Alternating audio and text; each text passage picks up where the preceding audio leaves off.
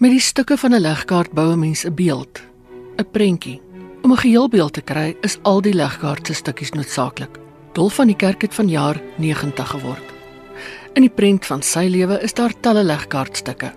Radioman, veelbekroonde skrywer, voorloper van die 60ers, al eien hy homself nie die aanspraak toe nie, maar ook en miskien veral denker en filosoof.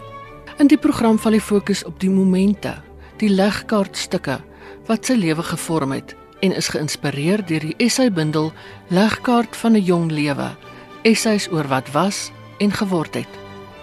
Enkele invloede, momente in 'n leeftyd. Van die kerk self van die woord en enkele essays uit die bundel word voorgeles deur Hans Strydom. Daar was eintlik lewensveranderende gebeurtenisse in my lewe. En selfs toe ek 'n kind was en wat in ons gemeenskap gebeur het en hoe ons moes werk om kobo water te hou was daar maar toe het ek die geluk gehad. Ek het twee neefs gehad wat albei by die SAIK uitgekom het in die jong dae John van der Berg en Willem van der Berg. Nou hulle was heel wat ouer as ek en hulle was briljante studente. En hulle was vir my soos ligpunte as 'n jong man. En ja, goed. Toe kon ek ook gelukkig geld bymekaar skraap om te gaan studeer. En uh daar het 'n invloed gekom van my professor in wysbegeerte. En nog 'n groot invloed in my 3 jaar was professor Ross wat vir ons antieke Grieks gedoseer het. En dit is twee elemente en uh, wat wat wat wat rigtinggewend is in 'n mens se lewe. En uh, dan het ek ook dit gehad dat dat ek uh, deur hulle inspirasie dat ek soos ek dit beskryf het in die stadsbiblioteek gaan sit het van die môre tot skemer. En en Hegel en Kant lees en so. En uh, nou goed toe is ek nou uh daarvandaan ja maar nou moet ek nie vergeet van Beethoven nie.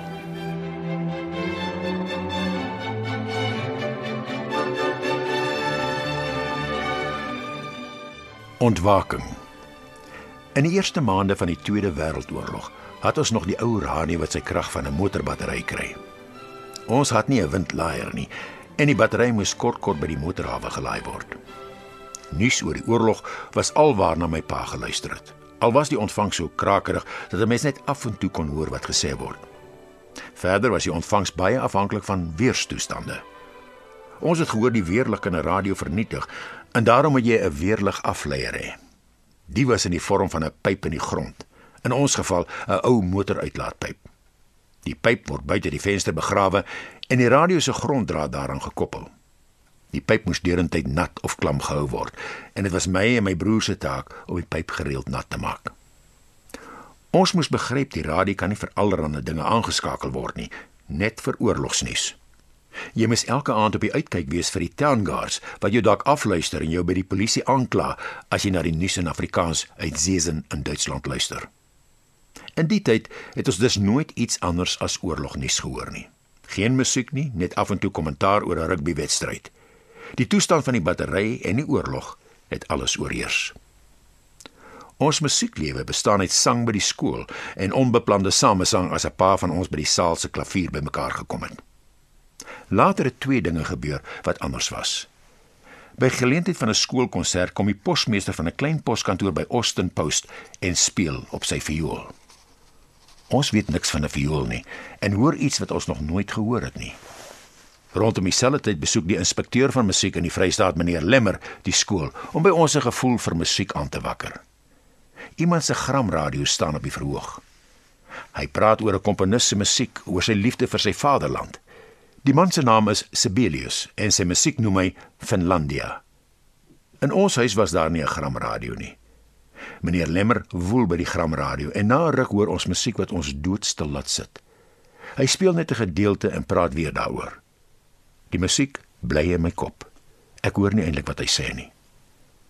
Intussen het my pa vir ons 'n ander radio gekoop wat alles beter opvang. Dit was 'n Pilot, 'n klein radio met 'n ronde gesiggie wat aan die elektrisiteit gekoppel kon word.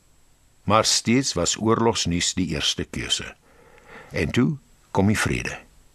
Nuus uit Europa raak geleidelik nie meer so belangrik nie. Ons ontdek die programme van die SAIK se Afrikaanse diens. Teen dit tyd was ek al in matriek en moes ek vir die eindeksamen voorberei. Hiermee het dit nie so goed gegaan nie, want na aandete sit ek in die eetkamer by die tafel en skryf stukkies prosa, en selfs 'n gedig. My pa kom sê, "As jy wil kan jy na die radio luister." Die toegewing laat my byna sprakeloos. Hy verdwyn en ek skakel die radio aan. Dit was ongeveer 8uur en toe hoor ek hierdie woorde. Ons praat met u uit die Johannesburgse stadsaal. Die hoofwerk in vanaand se simfoniekonsert is die 4de klavierkonsert van Beethoven. Die pianis wat saam met die SAIK Simfonieorkes optree, is die besoekende Chileense pianis Claudio Arau. Dit is onmoontlik om die indruk wat die musiek op my gemaak het te beskryf. Dit was eenvoudig 'n lewensveranderende ervaring. En tot vandag toe onthou ek byna elke noot van Beethoven se grootste werk. Min het ek geweet, ek sal 'n paar jaar later vanuit dieselfde stadsaal die aankondiger by simfoniekonserte wees waarvan ons land en die buiteland se grootste soliste optree. Telkens herroep ek die beeld van die eetkamer, die swart radiootjie, die vrugteflesse in die rak en woorde op papier. Kosbare getuienis van ervarings vir die toekoms. Dit het my hele lewe omgekeer. Toe kom ek SAIK toe En daar het soveel invloede in my lewe gekom. Ek sal nooit vergeet nie. Ek was in my derde jaar student toe ek die toets afgelê het. En toe moes ek Johannesburg toe kom vir 'n onderhoud. En uh, James McClurg was toe streekdirekteur en hy sou met my die onderhoud voer, maar ek sit en wag die oggend daar in ou uitsaaihuis in Commissionerstraat. En hier kom mense verbygeloop met musiekinstrumente. Man, ek kyk hulle so. En ek sit nog, want hy doen hy was besig. En nou begin hulle stem en hulle begin speel. Hoor ek die eerste keer in my lewe is simfonieorkes in aksie. Nou toe kom natuurlik die die die die uitsaai deel wat uh, mense soos Jan Skutte, Pieter Lebrein hulle en uh, dit het my ontsaglik geïnspireer. Van die kerk se uitgebreide oeuvre sluit verskeie genres in: drama en radiodrama, poesie, romans, jeugverhale en essays. Die skrywery het by die SAIK begin. In my eerste jaar by die SAIK het Steve de Villiers Uh, hy is bevorder en toe soek hulle iemand om die jeugprogram oor te neem. En dit was destyds 5 halfuur programme per week. En hier sê al vir hierdie jong mannetjie kom moet jy gaan die jeugprogram doen. En weet jy daar het ek die eerste goed begin skryf. En uh nou ja goed hoe ek Kaap toe is gebeur dit met my dat Dirk Opperman se vrou Marie het 'n versoekprogram gehad vir vroue. En ek was dikwels in die ateljee nou aan diens. En dit sê vir my eendag gevra, maar skryf jy nie? Ek sê nee, ek ek het 'n paar gedigte al geskryf. En uh Sy sê maar bring dit vir my, maar ek kon dit nie oor my hart kry nie, ek was beskaam. En na 'n maand toe het sy my as dit ware gedwing en toe bring ek die drie gediggies vir haar. En uh, sy sê ek gaan dit vir Dirk gee om te lees. Maar dit gebeur hierdie wonderlike ding. Dat uh, ek sy sê ek moet vir Dirk bel. En hy het toe pas sy doktorsgraad gedoen met digters van 30. En ek sê vir hom dokter Opperman, ek sê ek is Dirk Opperman. Ek spreek af en ek kom daar by 'n plek in Kaapstad by mekaar om drink tee. En hy sê ek sal hierdie drie gedigte van jou publiseer in standpunte. Nou kan jy nou glo wat 'n uitwerking dit nou op 'n mens het. Met ander woorde, uh, ek het uh, gedigte gepubliseer voor ek prosa geskryf het. Toe kom Audrey Blino op 'n dag sy het ook 'n program gehad. Sy aangebied in die Kaap. En sy sê vir my jong, ek het toe nog niks geskryf behalwe die hoorbeelde, jy weet wat die mense teks skryf en en so. Sy sê vir my sy was uh, redakteur van die huisvrou se tydskrif destyds. Sy sê jy nie vir my 'n uh, vervolgverhaal skryf nie. Ek sê maar ek kan nie. Ek kan dit nie doen nie, ek het geen ervaring nie. Sy sê nee, jy kan. Nou glo jy nou vir my. Ek skryf 'n storie onder die skuilnaam van Rudolf Neykerk. so dit was dit is die begin van dinge. Want ek glo soos ook in die boek, ek glo jy groei amper elke sekonde van jou lewe. Jy kan positief groei. Negatief groei jy nie. Maar dit is 'n groeiproses. Boeke. 'n Herinnering uit die vroegste skooljare. 'n Groen boek met stories vir die wat al kan lees. Een naam bly my by. Helena Lochner. En een van die titels en dit vir 'n stuk staal. Enkele jare later 'n Afrikaanse vertaling van Uncle Tom's Cabin van Harriet Beecher Stowe. Hier begin die afkeer aan geweld, soos vir persoonlik in die persoon van die slawe-eienaar Simon Legree. Die verhaal beset 'n ruk lank die jong gemoed. Nou volg avontuurverhale soos Verlore Land waarin brontosaurusse en ander oerreptiele die aarde bewoon. Karel Kielblok en W.A. de Klerk word bekende name. De Klerk se Die Skarlakene Skader gryp ons aan en van Oort se Seuns van die Wolke wetenskapfiksie wat dalk in 'n eeu van tegnologie werklikheid kan word. Later verslind ons P.J. Skooman en die Hobsons se boeke, Drie jong jagters en Skankwan van die duine. My suster en haar vriendinne sit ure met die Maasdorp boeke terwyl Keurboslaan boeke die seuns besig hou. Ernstiger leesstof raak beskikbaar toe my pa op nasionale pers se boekskema inteken. Die boek wat die grootste indruk gelaat het, het in 1938 verskyn. Die Wit Kraai van Anna de Villiers. Die verhaal van Hans Dons de Lange. Op die buiteblad 'n skets van Afrika, 'n voortrekker wa en twee kraaie, 'n wit kraai bo 'n swart kraai.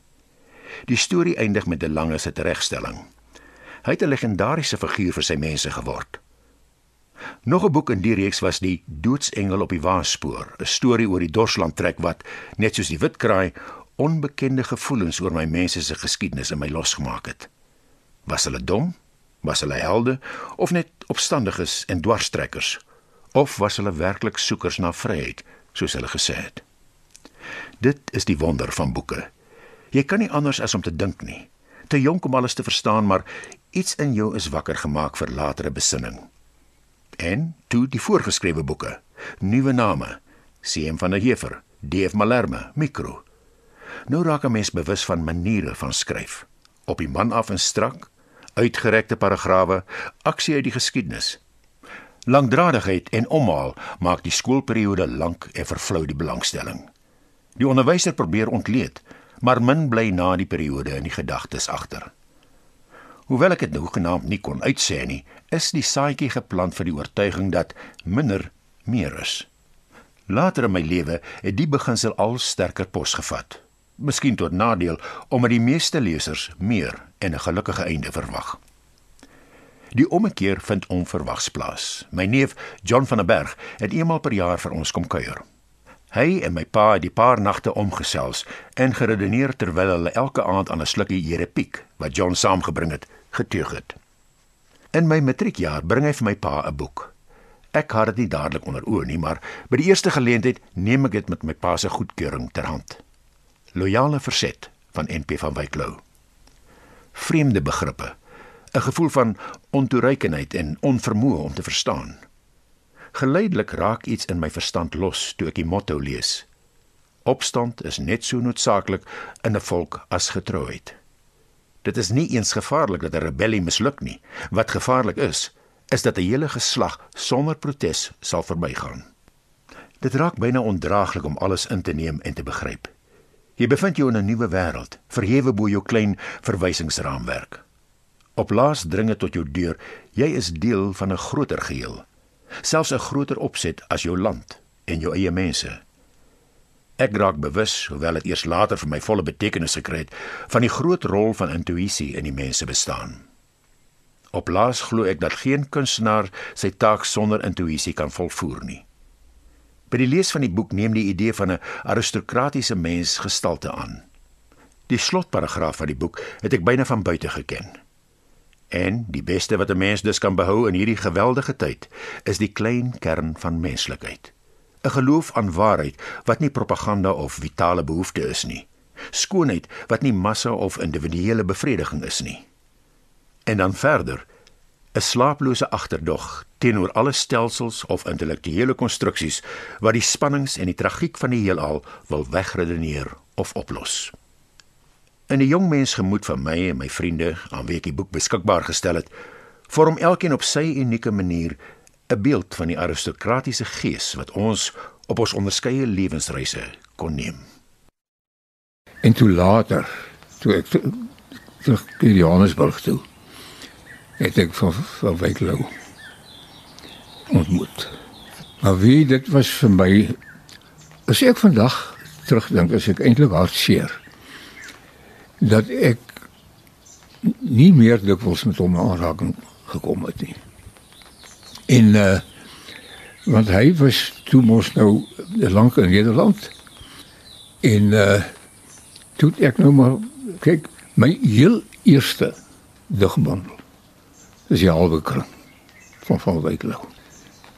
En een van die belangrikste keerpunte in my jong lewe was toe ek sy loyale verset gelees het. Die en daar is van die goed wat vandag nog by my bly 'n paar sinne wat sê in die lig van die aristokratiese ideaal dat ons skoonheid en waarheid hoog bo die skare moet dra.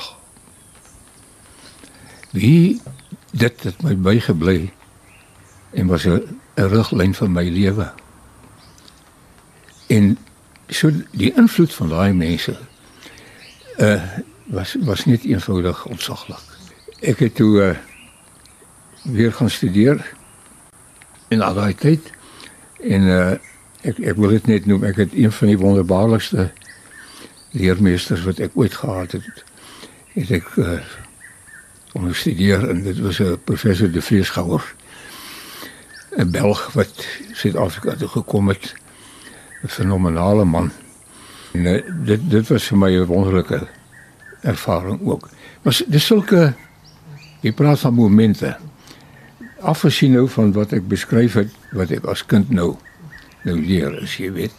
En uh en en moes doen en gedoen het was was dit 'n paar ek noem dit weer lewensveranderende ervarings wat ek gehad het. Die nuwe jaar is oud. Dit was volmaan. Die dorp se straatligte brand nie om krag te spaar. Die hele dorp is donker en die lig wat deur huise se vensters skyn, lyk soos oë wat loer na die aand. Oor kan die spruit ontplof 'n enkele klapper.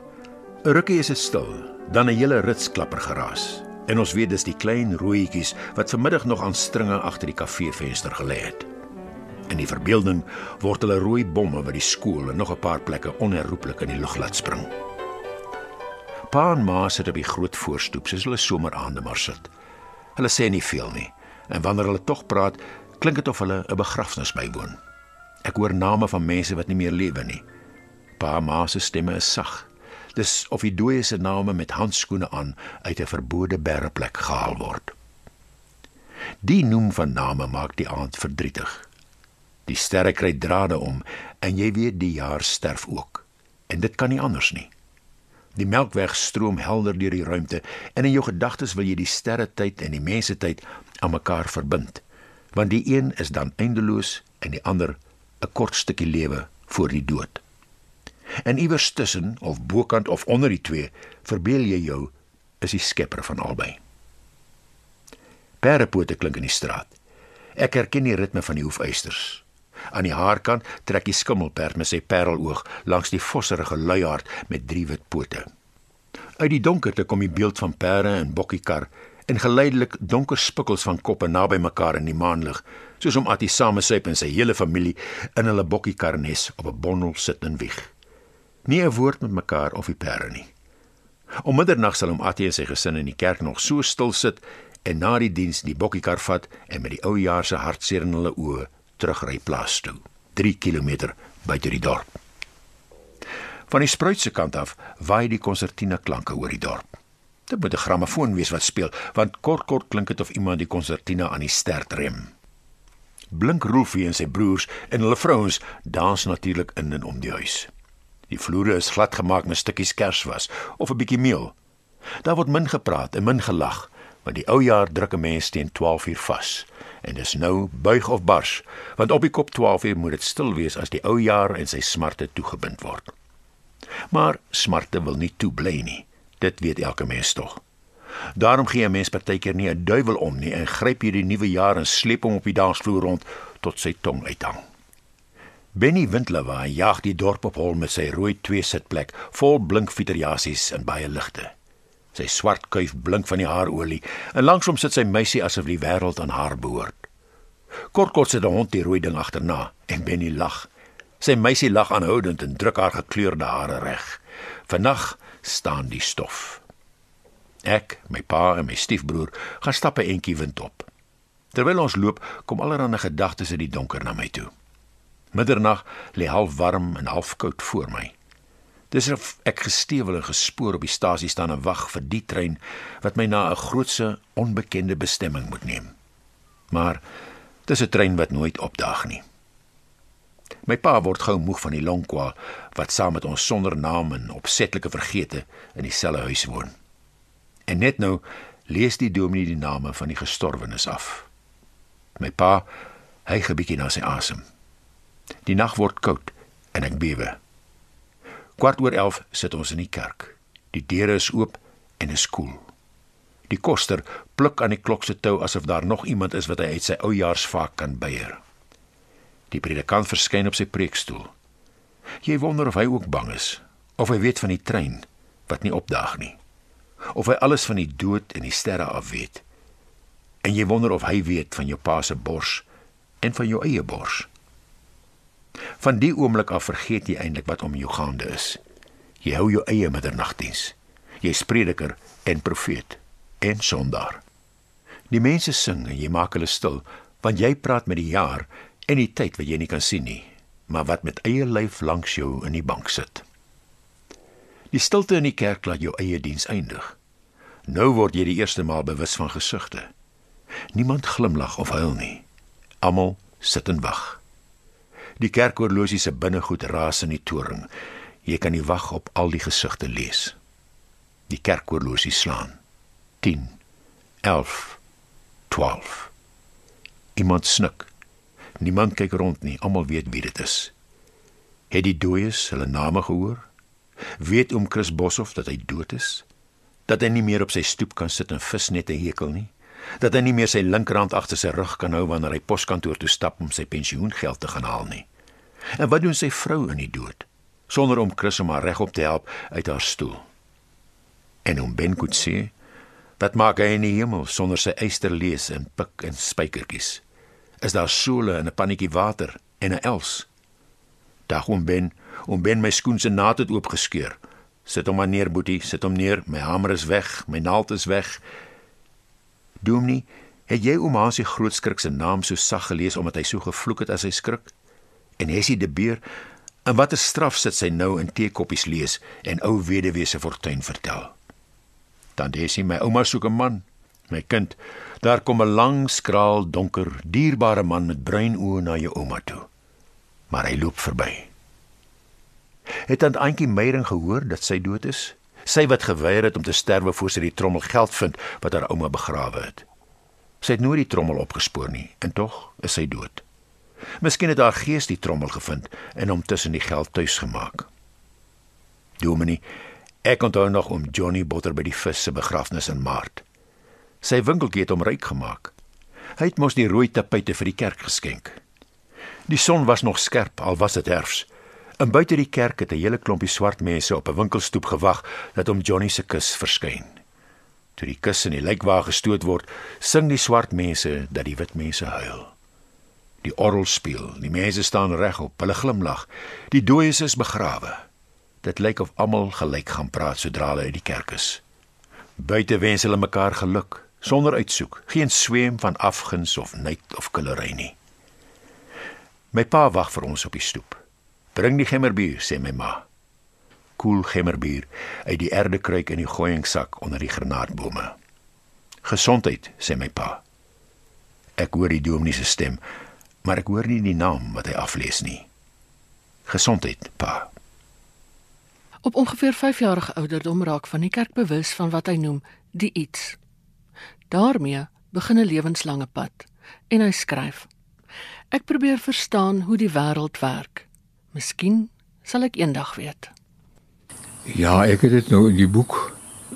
En weet jy dat uh, dit is onverklaarbaar. Jy weet wat weet 'n 5 jaar ouer kind nou wat eintlik met hom gebeur. Maar daar was iets. Man. En toe ons in die veld loop ek en my pa en net daai gevoel gekry hier's iets. En ek, ek noem dit ook die iets in die boek wat my lewe lank my as dit ware agtervolg het en vooruitgeloop het terselfdertyd. Dat die die soeke na sin daar jy weet daar's iets boek aan jou maar jy verstaan dit nie mooi. En dit het my bygebly ja later het ek nou kennis gemaak met van Weglo. En uh, met die studies jy weet oor en 'n uh, uh, ding oor oor die bewussyn en, en die ander filosowe en toe begin ek so min of meer 'n idee kry van die iets. En dit is vir my 'n oomblik wat ek tog wil noem.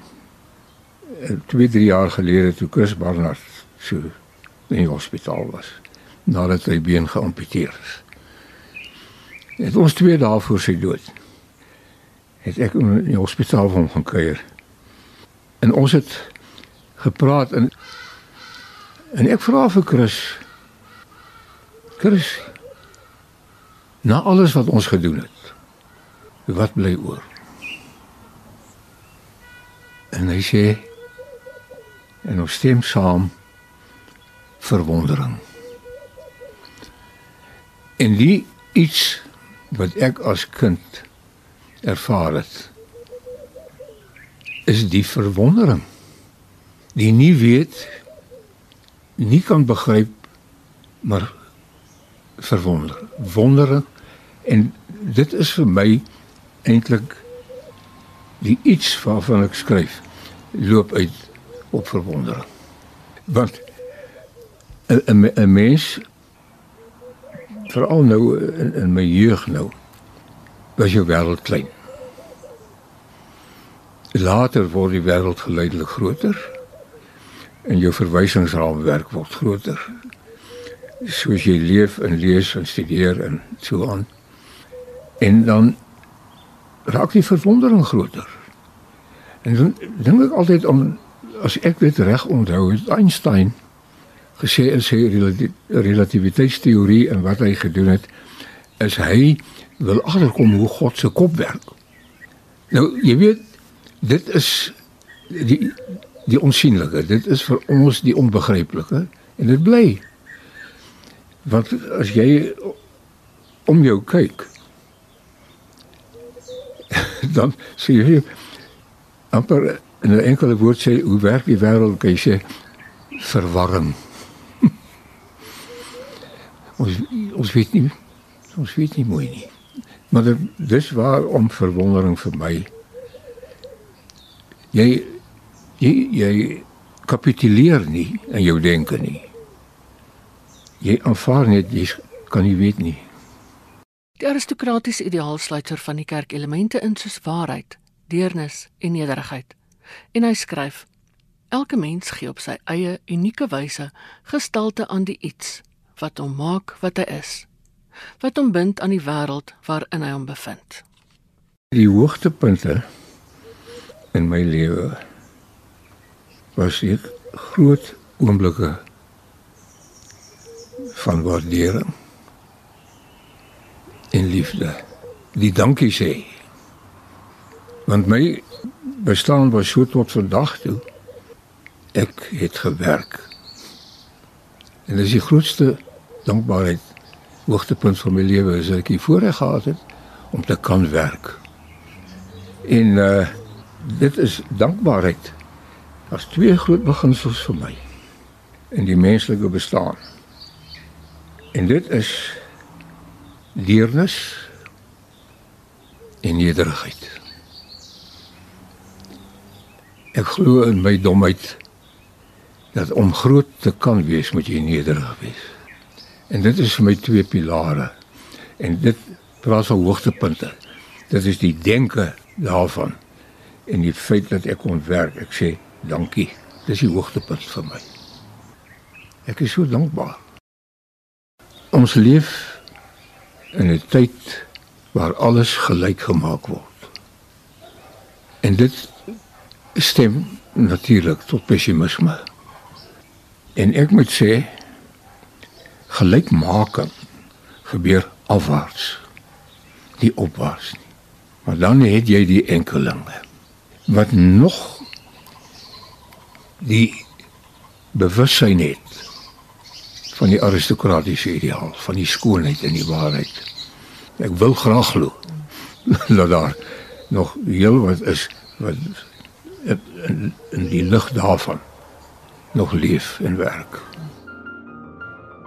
Ou jaar 1977. Vannag in die nanag sal ek die lantern vat en die leiwater by die tuin van my jeug inkeer. En tot die môre sal ek die akkertjies lucern en jong geel wortels en beet slaai en tomaties nat lê. En al die vrugtebome wat stom en onversteurbaar met hulle dragte vrugte daar staan. Vannag in die nanag. Elke mens het 'n plek waar hy oujaarsnag vertoef. Party mense dalk verskeie plekke, maar ek het net een plek. Uiteindelik 'n plek onder die sterre, 'n plek op die aarde vir my voet, 'n oomblik in niemand tyd. Ek in die water en die lig in die tuin, van uur tot uur, van akker tot akker, van ster tot ster, van dink tot dink. Die nag het 12 uur verbygesteek as die dorp se mense uit die kerk kom stemmig ingetoe na die aanhoor van die name van die jaar se dooies. Party nog aangedaan oor die gesprek tussen die orgel en die 12 slae van die kerkhorlosie. Die ou jaar is heen. Die nuwe jaar is 'n vreemdeling. Die ou jaar is 'n geliefde, 'n bereplek vir die smart. En die hartseer oor sy einde is 'n bymekaar kom plek vir al die ander verdriet. 'n Paar oomblikke is almal besig met die onverklaarbare skeiding tussen gister en vandag tussen nou en net nou, tussen hier en daar, tussen dood en lewe. Verdriet oor die dooies, verdriet oor die verganklikheid van dinge, verdriet oor die magteloosheid van die mens om sy plek op aarde te vind. Verlange na wat agter lê, 'n klein vrees vir wat moet kom. 'n Mens moet minstens een nag afstaan aan die skoonheid van die verlede en die skrik vir die dag van môre. In my oujaarsnagtuin dobber die maan in die koel fonteinwater terwyl die jaar se mislukkings van die aarde af verskiet. Die jaar se klein skelmstreke, die klein trou, klein trouloosheid, die klein vertroue, die groot agterdog, die klein diens, die groot eis, die weinig deernis en baie waan, die amper waarheid, die liefde mits. Elke mens het 'n plek waar hy oujaarsnag vertoef om te meet, om gemeet te word, om jou maat te vind in die bestel van môre, om te weet wie jy is as jou naam genoem word, om te weet dat gister die begin is van vandag en vandag die geboorte van môre. Daarom wil ek vannag in die nanag die water in my droë akkers skeur sodat ek kan hoor hoe die aarde versadig raak. En as die groot dors kom, sal ek die maan in die lyf voorvang en hom drink saam met al die wondere wat die mensdom van die aarde af aan hom toegedig het. In die voorwoord van Legkaart van die Jong Lewe skryf van die kerk die volgende: In 2018 bevind ek my in volkomme verwondering. Lê dit iets van my kindertyd wat by tye vaste gestalte wou kry, telkens opnuut in verwondering en misterie. Die reis is nie voltooi nie en ek hoop die roete sal immer vir my oop bly. Moontlik, net moontlik, is die reis op laas die wese van die iets. Of is die iets dalk die medereisiger wat sin en betekenis aan die reis gee? Uittreksels uit Dolf van die Kerk se essay bundel Legkaart van 'n jong lewe is voorgeles deur Hans Strydom. Die tema musiek is die eerste beweging van Beethoven se 4de klavierkonsert. Stukkies in die Legkaart van die lewe is saamgestel en aangebied deur Ina Strydom vir RSG Skatkis 2019.